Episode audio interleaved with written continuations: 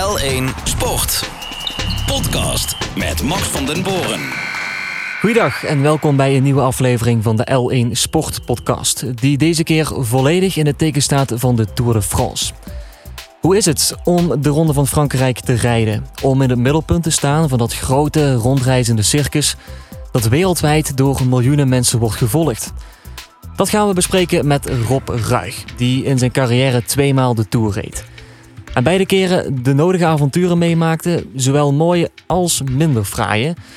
Verder bellen we met Ramon Kerkhoffs, die dit jaar voor de 33e keer de Ronde van Frankrijk als journalist zal meemaken.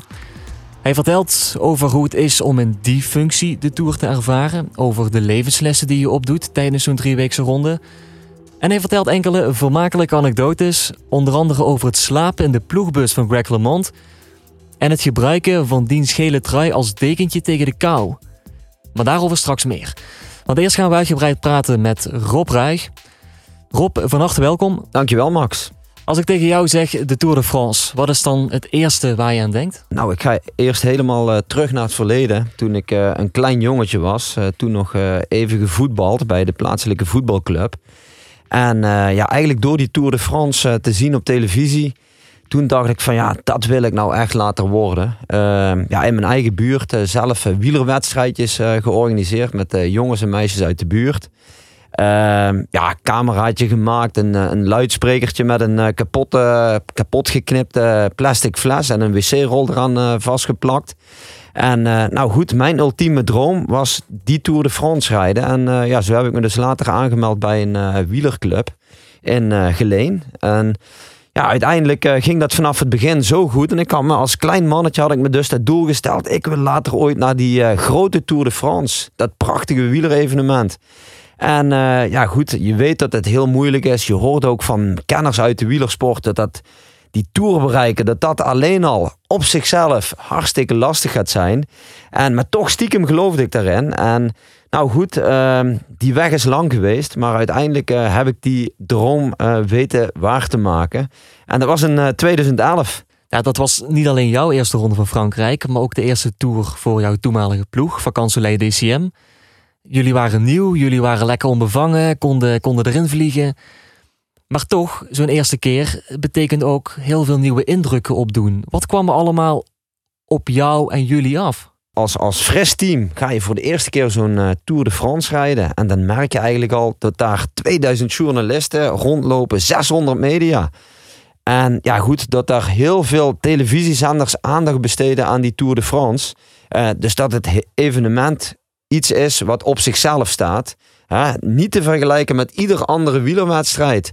Dus uh, ja, dan merk je ook dat vanuit de teams en zeker de andere ploegen die daar al jaren uh, aan het vertrek staan, dat daar toch behoorlijk wat druk op de ketel staat om uh, uiteindelijk de prijzen te pakken. En ja, dat heb ik dus aan de lijve mogen ondervinden. Hè? Als debutant ja, mee kunnen draaien als beste Nederlander uiteindelijk in het klassement. En ja, ook veel media-aandacht gekregen.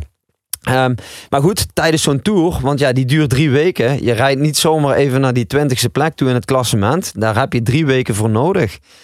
Dan merk je dus dat het moeilijker is om vooraan te komen. Zeker in die laatste, ja, pakweg 50 kilometer. Dan moet je al stilaan gaan zitten op de plek waar je zit. Want anders dan ligt het tempo zo snoeihard dan is die tv-uitzending uh, ja, in nog meer landen zeg maar op de buis. En dan merk je in dat peloton dat er behoorlijk wat zenuwen aan het toenemen zijn.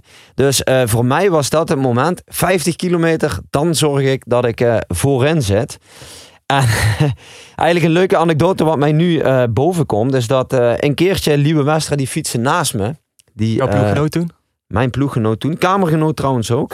Dus daar kunnen we dadelijk wat meer over vertellen. Maar Lieve Westra die, die had een momentje een keer dat hij een sanitaire stop moest doen. Hij moest nodig, moest hij een Tom Dumouletje doen. Nou, dan weten we allebei wat het is ondertussen. Hij moest dus poepen.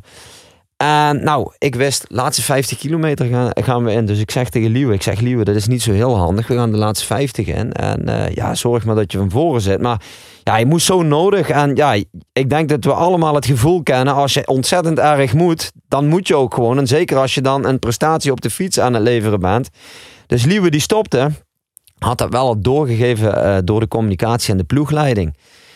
En ja, ongeveer een minuutje of zes, zeven later fietste Liewe eigenlijk weer terug naast me. En ja, ik was enorm verbaasd dat hij misschien wel al die lozing gedaan had. En ik, dus dat vroeg ik ook aan hem. En hij zei, ja, dat is gelukt. Uh, maar ja, hij, blijkbaar had hij dus al half in zijn broek gepoept. en in het veld had hij dus zijn broek naar beneden getrokken. Had uh, zijn behoefte gedaan. Broek weer omhoog. Zonder uh, alles netjes op te kuisen. En toen weer zijn weg vervolgd in die desbetreffende etappe. Ehm, dus dat lukt ook in die hectiek van de Tour. Uh, dat, is, dat, is, dat, is, dat een leuk verhaal.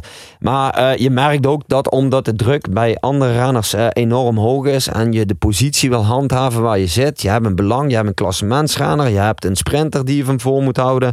Dat het gewoon heel moeilijk is om ook je positie te handhaven voorin dat, dat in die eerste tour, die onbevangenheid, daar fladderde ik wat meer er doorheen. Uh, maar toen ik in 2012 die tweede tour ging rijden, uh, toen ik in iets wat mindere conditie aan het vertrek stond, ja goed, dan, uh, dan merk je gewoon dat het heel lastig is in zo'n tour. En ja, om er te zeggen, je moet echt zorgen dat je, als je de Tour de France rijdt, dan moet je echt in topconditie rijden, want anders dan heb je er niets te zoeken. Je zegt, je was eh, niet alleen ploeggenoot van, uh, van Liewe Westra, maar nog wel meer dan dat, ook kamergenoot. Dan bouwt je toch wel een band op gedurende die drie weken.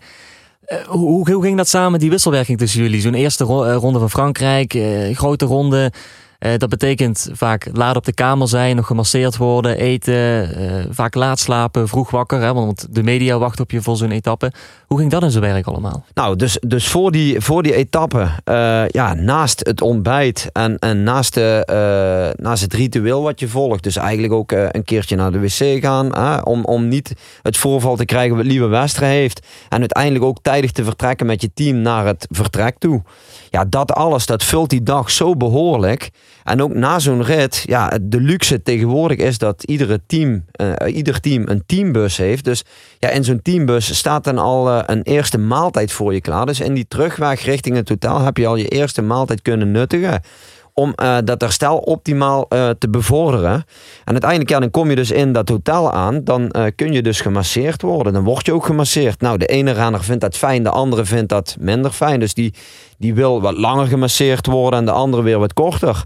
Uh, ja, goed, en dan heb je weer het diner s'avonds. Ook dan weer. Hè? Media komt af en toe langs. Nou, je hebt een, een, een nabespreking van de rit die heeft plaatsgevonden. En ook een stukje vooruitblik op de rit de dag nadien. En dan ga je uiteindelijk als een verzadigd coureur hè, met een volle buik. Hè, om al die calorieën wat je verbrand hebt ook weer terug aan te vullen. Zo ga je naar bed. En dat was dus uh, uh, met de Fries Lieve Westra. Nou, en wij hadden eigenlijk de afspraak met z'n tweeën dat we uh, s'avonds de wekker hebben gezet om uh, op tijd de ogen dicht te doen. Want ja, je bent natuurlijk, uh, die hartslag ligt hoger. Je hebt in een, in een hitte gefietst. Je, je, ja, die inspanning, hè, die zit nog in het lijf. En ja, dat eten moet ook nog verbrand worden. Dus ja, die hartslag die ligt behoorlijk stuk hoger. En dan kom je heel moeilijk in slaap. En als je dan met twee van die gezellige wielrenners op de kamer ligt... en je hebt allemaal verhalen van dingen die je hebt meegemaakt tijdens die rit... Ja, dan kan het zomaar zijn dat je tot uh, 10, 11 of zelfs 12 uur uh, die verhalen aan het vertellen bent. En, en wij waren van mening, nou, als we nu om 10 uur die wekker zetten en we doen dat 23 dagen achter elkaar, nou, dan heb je dus 23 keer een uur gewonnen. Dat komt dus op het einde van de tour, is dat dus gewoon bijna een volledige dag, wat je dus extra aan slaap hebt gehad. Nou, en die theorie, die heeft ons wel het voordeel opgeleverd. Want toen dus het wekkertje ging om tien uur s'avonds, toen deden we ook netjes het licht uit. En toen zijn we dus altijd uh, fijn gaan slapen. En ja, goed, ik denk wel dat dat ons uh, in, in het voordeel uh, gewerkt heeft. En zeker in de Tour van 2011. Je was pas 24 toen, dus eigenlijk nog, nog een broekie. Toch word je meteen 20 in het eindklassement. Je was daarmee de beste Nederlander in die ronde van Frankrijk. Je werd in één klap een bekende naam die zomer. Hoe heb je de hele ronde beleefd als je daar nu op terugkijkt? Ja, goed, weet je, als je zo'n tour rijdt en je wordt dan beste Nederlander in een klassement, dan kun je eigenlijk op drie weken tijd kun je wereldberoemd worden. Hè? Dat heb ik zelf in een lijve mogen ondervinden. ik denk zelfs dat er renners zijn die, eh, ja, die veel betere resultaten in, in kleinere wedstrijden hebben gefietst, overwinningen hebben gepakt. Maar die eigenlijk veel minder bekend zijn dan, uh, dan, die tour, dan door die tour wat ik gereden heb.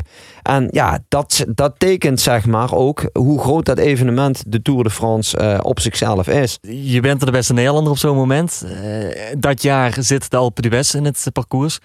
Een berg waar telkens duizenden Nederlanders op staan. Dat is één groot gekkenhuis op die berg. Hoe was het om die klim op te rijden?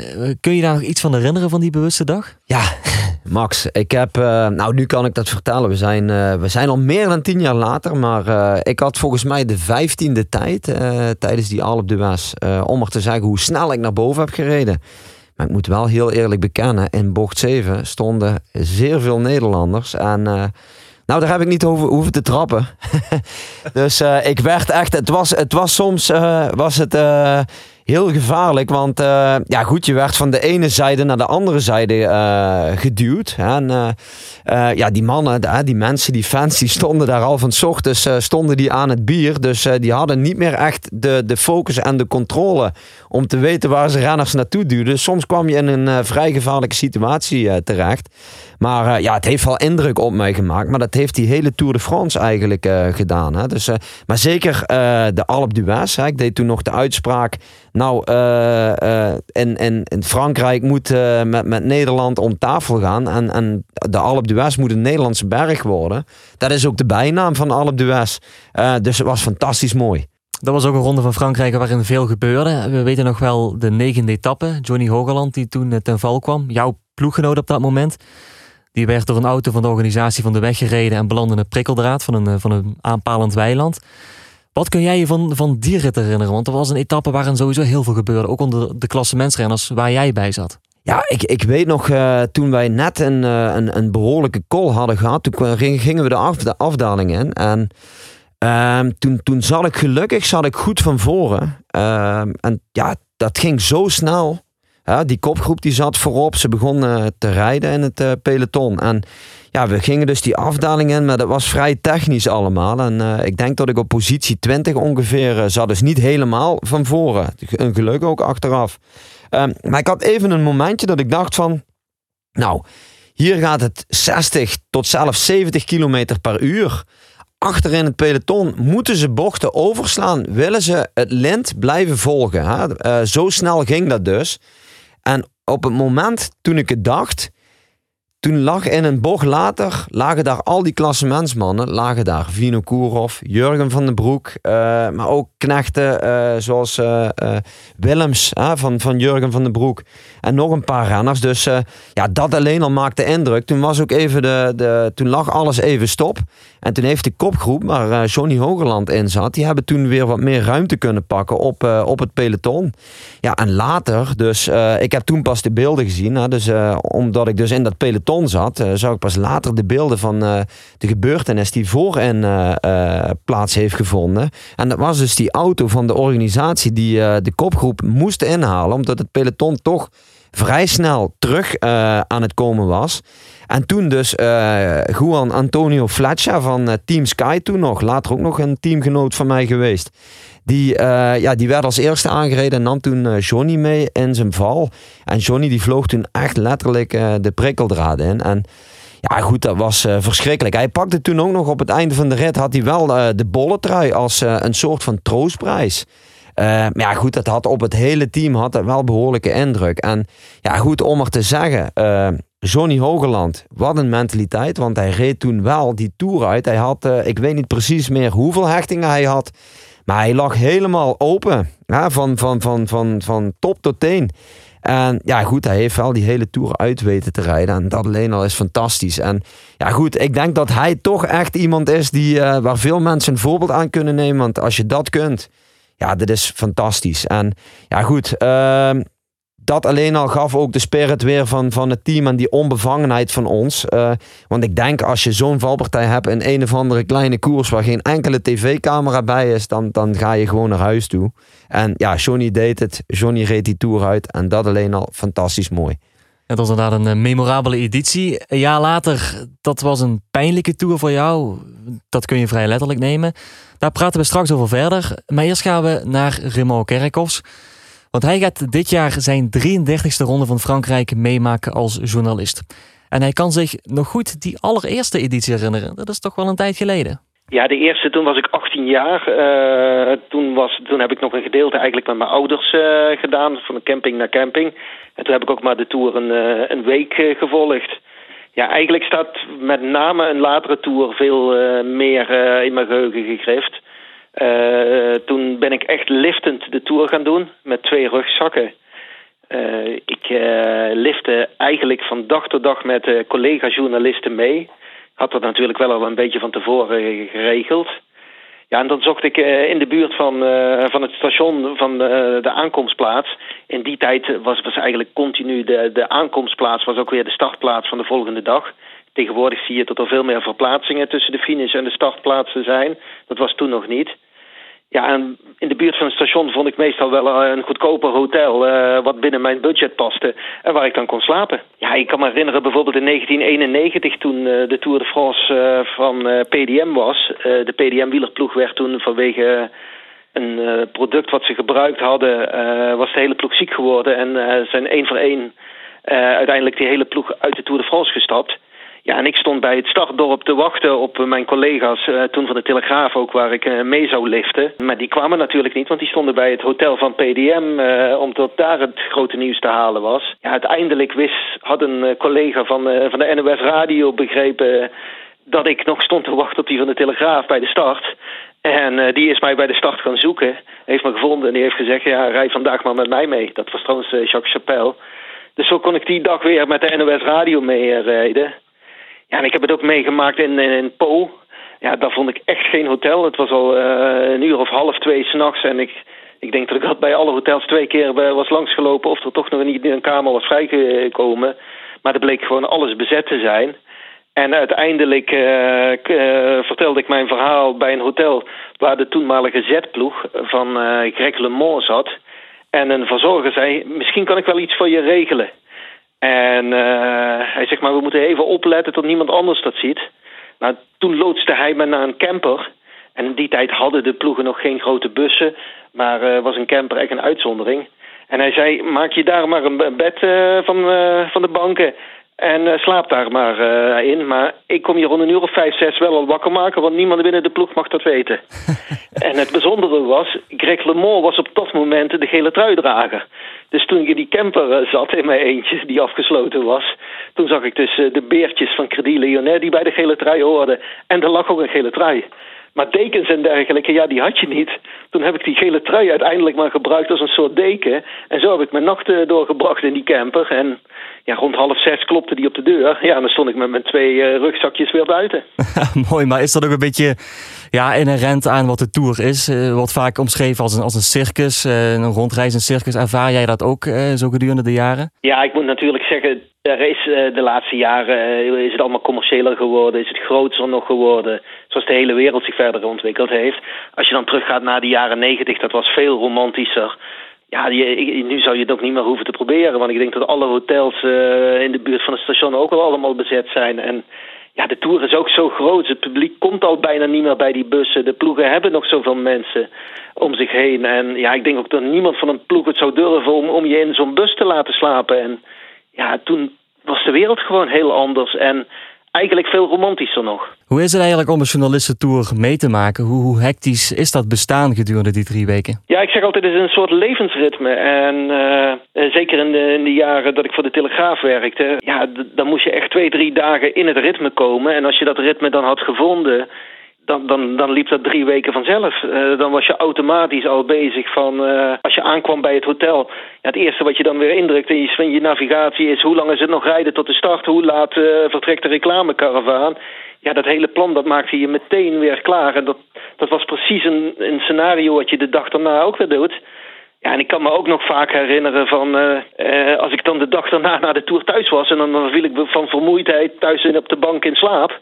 En in één keer schrok ik wakker en met, met, met, met gedachten als ik weet niet hoe laat de reclamecaravan morgen vertrekt.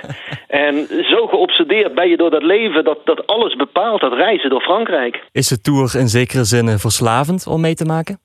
Ja, ik denk het wel. De kameraadschap die je met andere journalisten hebt, al moet ik ook zeggen, dat is ook een stuk minder geworden. Dat was in de jaren negentig, uh, begin 2000, een stuk meer dan, dan tegenwoordig. Ja, je, je ziet eigenlijk de verzakelinking van de hele wereld, heb ik eigenlijk in die Tour de France ook wel heel van dichtbij meegemaakt. Uh, vroeger was er veel meer hulp, veel meer onderlinge steun. je stond nog dichter bij de renners. ja, de, de Tour is veel groter nog geworden. Ik begon dan als fotograaf, uh, journalist uh, in de jaren negentig. Ja, en, en, ik stond bij, bij de 15 fotografen op de finishlijn die de, foto konden maken. Ja, maar dat waren ze ook. Dat was maximaal waren er 20 fotografen in een tour. En als je tegenwoordig gaat kijken, ja, de, de accreditaties voor, voor fotografen in de tour, dat zijn er 250, 300. Dus wat dat betreft is het evenement enorm gegroeid. Ja, de Tour meemaken betekent drie weken lang door dat prachtige en machtige Frankrijk reizen. Wanneer vind je de ronde nu eigenlijk op zijn mooist? Ja, ik heb toch wel een voorkeur voor de Alpen. De, de, de strijd is daar het mooist. Uh, het gaat dan echt om het klassement. De, de, de strijd om de gele trui, dat is toch de magneet van de ronde. Dat, is de, dat trekt alle aantrekkingskracht. En de Pyreneeën, weet ik, op de een of andere manier hebben die mij nooit kunnen bekoren. ik vind het altijd een beetje uh, smoetsig, om het zo te zeggen. Uh, ja, de Alpen zijn veel beter verzorgd, veel meer leukere dorpjes, uh, betere hotels. Het ziet er gewoon veel netter, groter en schoner uit dan de Pyreneeën. Waar je toch bepaalde Spaanse invloeden echt, echt heel nadrukkelijk voelt. Ja, en in de Alpen, daar gebeurt het in de Tour. 9 van de 10 keer wordt hij daar ook wel beslist. Anderzijds waren het ook de meest vermoeiende dagen. Hè, want het aantal uren dat ik in een file naar beneden heb gestaan dat je, uh, je, je werk hebt gedaan en om half negen s'avonds die berg af moet richting je hotel. Maar uh, dat ook al het volk naar beneden moet. En ja, je gewoon echt urenlang nog op zo'n berg vastzit zonder dat je iets te eten hebt gehad. Ja, dat maken die dagen ook weer van de andere zijde verschrikkelijk. Eigenlijk het, de belangrijkste levensles die ik in de Tour heb geleerd is van... ook al gaat een dag alles verkeerd... Uh, blijkt je hotel bijvoorbeeld op het laatste moment geannuleerd te zijn... waardoor je nog ergens anders een hotel moet gaan zoeken, tot, tot een uur of twaalf aan het rijden bent, dan ook nog je kamer met twee man moet delen. Ja, gewoon gaan slapen, je ogen dicht doen. En de volgende dag begint weer een nieuwe dag en sta je gewoon weer op nul. En dat is wel een levensles die ik ook in het gewone leven meeneem als je, als je een dag vol tegenslagen kent. Ja, dus de Tour is ook wel leerzaam op dat gebied. Ja, zeker. Dat, dat is echt, maar die laatste, dat is echt voor mij wel de belangrijkste levensles. En ja, je, je zit met een auto ja, je, kon, je kunt ook onderweg vast komen te zitten met, uh, met, in, met, in files, waardoor het moeilijk wordt om de aankomst te halen. Uh, we, uh, we, hebben bijvoorbeeld in de rit naar La Rousière, die gewonnen werd door Jaron Thomas voor Tom Dumoulin. dan praat ik over de Tour van 2018. Toen hadden we in één keer twee lekke banden. Ja, dan denk ik van ja, je hele productie gaat, gaat verloren. Ja, dan moet je dan op dat moment heb ik een, mijn collega-journalist, die heb ik in een andere auto gezet van een Belgische collega. En ik ben bij de takelwagen gebleven en van garage naar garage gereden. Nou, uiteindelijk kreeg ik, twee, kreeg ik twee, nee, moest ik vier nieuwe banden nemen. Omdat ze niet precies dezelfde band hadden om erop te leggen. Ja, en toen kwam ik aan en ik was nog net op tijd voor de persconferentie van Jaron Thomas. En kon dan toch weer mijn verhaal maken. Ja, als je, als je dan gaat stressen, als je dan paniek gaat krijgen ja, dan kom je er echt nooit uit. Dit jaar wordt dan je 33ste. Eh, hoe, hoeveel ga je dan nog meemaken? Kun je überhaupt zonder in die maand juli? Nou, ik, ga dit, uh, ik werk op het ogenblik dus voor Wielerflits en het magazine Ride. Uh, dat betekent in tegenstelling tot uh, bij de Telegraaf dat ik niet de, volle drie weken aanwezig hoef te zijn. Dat vind ik op het ogenblik ook wel lekker. Om, om het gewoon ook eens een beetje vanuit Nederland te, te aanschouwen. zeker omdat ook nog de coronamaatregels van, gehandhaafd blijven. En het toch moeilijk is om met renners en met mensen van de ploegen te spreken. De uitdaging om over één of twee jaar weer eens een hele Tour de France te volgen. En de hele maand juli op pad te zijn, ja, dat, dat kriebelt wel weer. Zo vertelt wielerjournalist Raymond Kerkos. Terug naar hoe het is om als wielrenner de Ronde van Frankrijk te beleven. Daarover praten we verder met Rob Ruig. Ja, Rob, ik sprak met Raymond. We hebben het juist kunnen horen onder meer over de pracht van Frankrijk. Hij zelf vindt vooral de passages door de Alpen het mooist. Wat krijg je eigenlijk als renner mee van de vaak zo ja, fraaie landschappen waar je doorheen rijdt? ja, dat is, uh, dat is heel mooi dat, uh, dat Raymond dat aanhaalt. Want uh, als renner krijg je daar bijna niets van mee. ik, ik, het, het mooie van het tijdperk van nu is dat we ja, internet hebben en je kunt heel veel terug opzoeken. En nou goed, ik ben nu tot het idee gekomen om toch terug te gaan kijken van waar ben ik nu eigenlijk overal geweest. ik, heb, ik heb drie kinderen en ja, we zitten wel eens in het buitenland. En het is toch interessant als je tegen je kinderen kunt zeggen van nou hier heeft uh, papa vroeger gefietst. Hier uh, liggen nog ergens een paar van die zweetdruppels op de weg. En ja goed, in de meeste gevallen weet je dat gewoon niet. Hè? Je wordt eigenlijk geleefd. Hè? Je weet wel waar een start en een aankomst is. En ja, de grotere plaatsen die ken je natuurlijk wel. Of de grotere uh, die je ooit hebt aangedaan. Maar om nou te zeggen van ja, ik ben daar precies in dat straatje of in dat dorpje, daar zijn wij doorheen gereden ja, dat vind ik nou de uitdaging voor mezelf om, om te weten. En ja, die kans, die, die mogelijkheid is er ook. Dus uh, uh, dat is wel iets wat ik wil gaan doen. Dus uh, om maar te zeggen, ik, ik weet niet alles. Ehm, het is vaak, je, je bent gefocust met die wedstrijd bezig. En alleen dat al is een grote opdracht. En al de rest, genieten van een landschap, af en toe. maar als eenmaal die, die helikopter ja, begint boven het peloton ja, dan, dan komt er een, nog een extra focus over je heen. En dan ga je met, nog meer met je job bezig en met je opdracht bezig zijn. En ja, goed, dan maak je heel weinig van de omgeving mee. Ja, maar als je de helikopter hoort, betekent dat dat de televisieuitzending is, is begonnen. Ja, je bent gestopt eh, eind 2018, hè, dat was jouw laatste eh, profjaar. Tegenwoordig ben je, of heb je een eigen wielerploeg, het Tiger Cycling Team, voor jeugdrenners. Het is dus inmiddels tien jaar geleden dat je je laatste tour reed. Die tour van 2011, waar we het zojuist over hadden, dat was een succesvolle voor jou. Die van 2012, eh, daar ging een en ander mis. Wat gebeurde er allemaal in die tour? Ja goed, ik kwam daar sowieso niet met uh, de beste vorm aan het vertrek. Ik heb uh, lang gesukkeld met een, uh, achteraf een parasiet in mijn buik. Een heel simpele parasiet waar je met een simpele antibiotica kuur vanaf kwam. Maar ik was door de maanden heen was ik behoorlijk vermagerd. En pas later bleek dus dat ik te maken had met een parasiet. Ik had vaak buikgriep. En denk, ja, ik zit in zoveel hotels. Hè, dat kan allemaal zijn. En ja, goed, niet die link gelegd dat dat met elkaar verband had. Ehm, dus ach, na die tour kwamen we daar pas achter. Maar ik had, uh, ja goed, dat kon ook in verbinding staan met die parasiet. Want ik, ja, dan krijg je ook sneller last van ontsteking. Ik had toen uh, een ontsteking aan de knie. Het meest vreselijke wat een wielrenner kan hebben is last van de knie. Het ene moment heb je behoorlijke last van je knie. En het andere moment denk je, ik ben er vanaf. En dan komt het daarna weer behoorlijk opzetten dat je weer terug bij af bent. En dat is zo frustrerend voor een wielrenner. Want soms heb je het gevoel dat je dan niet, uh, ja, dat je dan niet voor vol wordt aangenomen. In de zin van, uh, nou, die lult misschien uit zijn nek.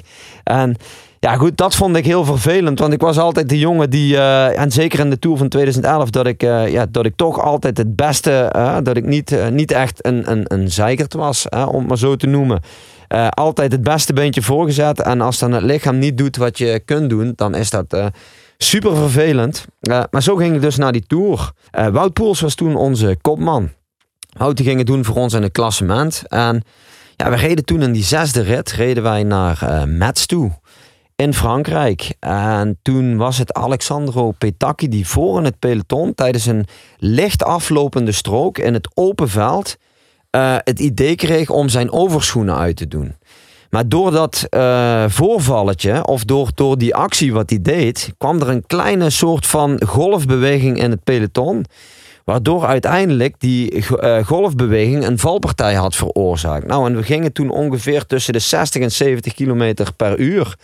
Ik had nog even voor dat moment, had ik nog een, een momentje van als dit maar goed gaat. En nou, even later, uh, uh, toen kwam dus die golfbeweging, een valpartij. Nou, wat ik zelf altijd deed in het peloton was om, om te zorgen dat ik wat afstand nam tussen mijn voorgangers en mezelf. Zo hield ik mij ook recht, maar ik werd toen later werd ik mee onderuit geslagen door de renners achter mij, die dus ook aan het vallen waren. En schoof toen samen met al die renners mee over de grond heen. En later bleek dat dus het stuur te zijn van Wout Poels, wat mij onderuit geslagen had. En ja, goed, het eerste wat een wielrenner dan denkt als je gevallen bent. Uh, en, het was eerst muisstil. Je hoort dan wel die heli. Ook die, dat geklap en gesuis van, van, van, van die wielen en van, die, van dat schuiven over dat asfalt. En dan komt er een moment van, van doodse stilte. En het eerste wat een wielrenner dan denkt, waar is mijn fiets? Ik wil door. Dus ik keek waar mijn fiets lag. Die lag op een stapel andere fietsen, dus die had ik niet 1, 2, 3 gepakt. Maar voor, uh, toen ik die fiets eenmaal daartussenuit had uh, uh, getrokken, ehm, toen kwam ik erachter dat mijn velgen gescheurd waren. Dus ik kon gewoon mijn weg niet vervolgen. Ja goed, en dan kijk je automatisch in al die hectiek, al die ploegleiders wat rondje lopen, al die renners die staan te kermen of zitten te kermen van de pijn. En ja, ondertussen, uh, dat was nog op een, op een klein afstandje van, uh, van ons. Toen had ik Wout Poels in de, in, in de zijberm zien liggen. En ja, het eerste wat je dan doet, je rent naar hem toe en je vraagt aan hem, gaat het? En toen ik Wout in de ogen keek, toen zag ik bij hem dat het niet de Wout was die ik normaal ken. Hij was uh, lijkwit, hij had een hele rare kleur. En ik, ik, ik kreeg een, een soort van lichte paniek. Of ja, licht uh, toch wel wat paniek over me heen. Omdat ik dacht van potverdikke me, dit is niet goed maar Wout. En ik heb hem toen nog de helm losgemaakt. Ja, uh, dat was het enige wat ik kon doen. En heb toen ook meteen geroepen uh, op, de, op de arts van... Kom hierheen, want het is niet goed hier. En ja goed, later uh, heeft dus ook gebleken dat Wout uh, uh, zijn mild gescheurd had. zijn nieren, ja, hij had gebroken ribben. Alles wat je maar kan opnoemen. dus hij verkeerde in levensgevaar. En ja, toen heb ik dus uiteindelijk, toen ik mijn fiets heb gekregen, of in ieder geval een nieuwe fiets van het team, ben ik mijn weg vervolgd. En toen later, ja, dan hoor je bij de bus wat echt met Wout in de hand was. Uh, ik zelf heb toen, uh, ja, Wout is toen uit de Tour gestapt. Hè? We weten het verhaal van Wout. Later won hij wel nog Luik Bastenaken Luik. Hartstikke mooi. Ik was, even een ander dingetje. Ik zat toen in een Belgische ploeg. En ja, ik hoorde dat Wout een Luik Bastenaken Luik won. Ik sprong uh, tussen allemaal Belgen, sprong een gat in de lucht. Die dachten, wat doet die gekke Nederlander? Maar dat was dus omdat ik weet dat ik met Wout toen dat had meegemaakt. En dat hij later uh, Luik Luik won. Dat vond ik fantastisch mooi. Um, ja, en zelf om terug naar die Tour te gaan. Ik heb toen nog een paar ritten doorgereden. Ik lag ook helemaal open, links, rechts. Ik kon niet fatsoenlijk meer slapen. En ja, goed, in de twaalfde rit uh, op de Madeleine. Toen ik ingehaald werd door André Grijpel. Toen had ik echt zoiets. Ja, dit dat is, een echte sprinter die totaal niet kan klimmen. Precies. Dit is niet uh, de klimmer die ik, uh, die ik normaal die ik het jaar daarvoor uh, bleek te zijn en waar ik verder op wilde voortborduren of in ieder geval progressie op wilde maken. Dus uh, ja goed, dat was voor mij wel een mentale domper. Maar los van dat, ehm, ik had graag doorgezet, het ging gewoon niet. En toen heb ik besloten om uit te stappen uit die Tour in 2012. Want wat had je precies op dat moment? Ja, ik had dus uh, uh, overal schaafwonden. Uh, ik had behoorlijke last van mijn heup. ja, goed. En, en ik had ook wat wondkoorts. Hè. Dus door die, door die schaafwonden en door die hitte kwam er ook wat, wat, wat, wat rommel uit je wonden. En ja, dat was gewoon niet prettig. En dan moet je op een bepaald moment ook realistisch zijn en zeggen: Nou, het gaat niet. Kijk, achteraf had je ook kunnen zeggen: Ik stap uit naar rit 6. Maar ja, ik heb geprobeerd tot rit 12. En ja, toen was het moment, het ging niet meer, de Tour was voorbij. Je hebt toch heel wat bijzondere herinneringen aan die twee edities van eh, de Ronde van Frankrijk overgehouden. Je hebt er al enkele verteld. Welke herinneringen heb je nog aan een van die twee uh, Ronden van Frankrijk? In zo'n tour, je hebt dan wel een bepaalde voorstelling. Je ziet die tour op tv jarenlang. Hè? Als je in die jeugdcategorie uh, rijdt, in die aanloop richting dat profcontract en nou, dan zit je later zit je dan echt in die Tour de France. En dan hoor je al die mensen schreeuwen. Uh, uh, dat publiek, die helikopter. Ja, dat gaf zo'n invloed. Dat kun je niet beschrijven. Dat moet je zelf hebben meegemaakt als renner. Wil je dat, uh, ja, wil je, wil je daarover mee kunnen praten? dus dat maakte sowieso al indruk op me. Maar de echte apotheose was toen ik in 2011 de Champs-Élysées opreed. Ja, het doel voor iedere toerrenner om toch die eindstreep in Parijs te behalen. Ja, de grote en, en bekendste uh, laan die er bestaat. Ja, goed, en dan kom je, die, die, die bereik je dan. En ja, dat is fantastisch mooi. Dat is echt uh, uh, heel, heel, heel cool. En ja, goed. Uh, van tevoren hoor je dan van andere renners uh, die tegen debutanten zeggen van ja, joh, dat laatste ritje, joh, dat stelt niks voor. Uh, ik liet me niet zo snel vangen.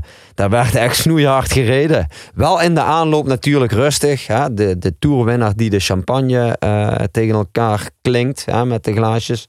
Uh, maar in de finale wordt er echt snoeihard gereden. En ja, goed, ik ben blij dat ik uh, toch wat eigenwijs was om uh, daar niet 100% in geloof te hebben. En die zaterdagavond dus keurig ook weer volgens het wekkertje met Lieve Westra op tijd ben gaan slapen. Hoe is het eigenlijk om de dag erna? Je komt thuis, is het, is dan afkikken geblazen? Want drie weken lang leef je in een soort roes. Alles wordt voor je gedaan. Het, het, is, het is maar een doordenderende trein waar je in zit. Eh, heb je het dan ook, of heb je het dan moeilijk om af te schakelen nadien, of valt dat wel mee? Ja, goed, dat is denk ik bij iedereen in het leven. Hè. Je leeft naar bepaalde doelen toe. En als dat doel dan eenmaal bereikt is, of je hebt dat, uh, dat moment, hè, dan, dan, dan aan dat moment is daarna voorbij, dan val je altijd even in zo'n momentje van ja, hè, dan moet je weer nieuwe doel stellen, doelen stellen. Um, in het geval van die Tour van 2011 uh, eh, was het inderdaad zo dat als het einde in zicht komt, ja, dan ben je natuurlijk wel blij dat Parijs, uh, Parijs heel dichtbij is. Maar in mijn geval, ik ben uh, vanaf dat moment ben ik uh, bijna dagelijks ben ik criteriums gaan rijden. Dus al die natour criteriums. Financieel heel interessant. Ehm, dus ja, dat vond ik mooi. Kijk, en dan ondervind je ook aan de lijve ja, hoe het geleefd heeft in Nederland. Hè. Dus er zijn liedjes gemaakt, ook van Hogerland, tourliedjes. En ja, goed, ook over, uh, over mij. Dus dat vond ik wel uh, heel leuk. En ja, op zo'n moment, daar ben ik heel eerlijk in. Als je dan in die jaren zit en je bent actief renner, dan besef je dat allemaal niet. Maar ja, nu ik een paar jaar uh, geleden gestopt ben en je, ja, je bent dan nu een, een oud renner. Ja, dan ga je nadenken hoe uniek dat eigenlijk is geweest. Dat je ooit in die Tour de France hebt mee mogen rijden. Een van die uitverkorene renners bent. die, die ooit ook een droom had. En die later toch is kunnen doorgroeien tot in die Tour de France. Uh, ja, dat vooral is, dat, dat is uniek. En ja, dat, dan, dan ga je ook merken hoe speciaal dat is. En ja, goed, die momenten die koester je. En ja, daar, daar ben ik ook uh, heel, heel blij mee dat ik dat heb uh, kunnen en mogen meemaken. Wat mis je nu het meest van het rijden van zo'n tour? Je bent nu een aantal jaar gestopt. Als je zegt van als ik er één dingetje mag uitpakken waarvan ik zeg, goh, dat zou ik graag nog wel weer een keer willen voelen of willen beleven in zo'n ja, grootste wielerwedstrijd van de wereld? Ja, dat is een goede vraag wat je me stelt, Max. Uh, ja, wat mis ik nu het meest? Ik ben vorig jaar uh, ben ik met mijn zoontje, maar dat is niet wat ik mis. Ik ben met mijn zoontje de Mont Ventoux op gaan fietsen. Ja goed, een paar dagen eerder hadden die mannen de tourrit over uh, de Mont Ventoux. En dan heb je wel het besef hoe zwaar zo'n tour eigenlijk is. En ja, toen heb ik mijn zoontje ook een paar keer de vraag gesteld van... Is dit nou echt wat je wil? Wat zei hij? ja, dat wil ik. um, maar goed... Uh, nog niet echt een realiteitszin, maar ik besefte wel hoe zwaar het is. Dus in die zin uh, ja, mis ik iets. Ja, het, is wel, het is wel een bepaalde spanning die je hebt. En uh, ja, dat is het wielrennen. Hè? Dat is mijn, mijn trigger ook geweest van die uh, fantastische wielersport. En ja, het, het mooie wat ik nu vooral heb, is dat ik bezig ben met de jeugd. En dat ik al die mooie herinneringen en ervaringen kan delen met de jeugd. Uh, maar ja, je, je merkt ook dat het heel uniek is om dat te bereiken. En dat er maar een paar van die jonge mannen zijn die ooit die kans kunnen krijgen om in zo'n Tour de France te komen. En ja, dat vind ik vooral mooi. Dus ik heb een mooie, ik heb een mooie inwisseling, zeg maar, om het zo te noemen. En ja, goed, je geeft het een plek. Ik heb het achter me gelaten. Het is hartstikke mooi wat ik heb mee mogen maken. Maar met de jeugd werken nu is fantastisch mooi. En daar wens ik je veel succes mee met jouw jeugdteam, het Tiger Recycling Team. Dat komt uh, ongetwijfeld goed. En nou, dat was me alweer op. Dankjewel. Aflevering 4 van de L1 Sport Podcast. Dank voor je komst. En uh, wij zijn er binnenkort weer met een nieuwe aflevering van de L1 Sport Podcast. Voor nu bedankt voor het luisteren en graag tot een volgende keer.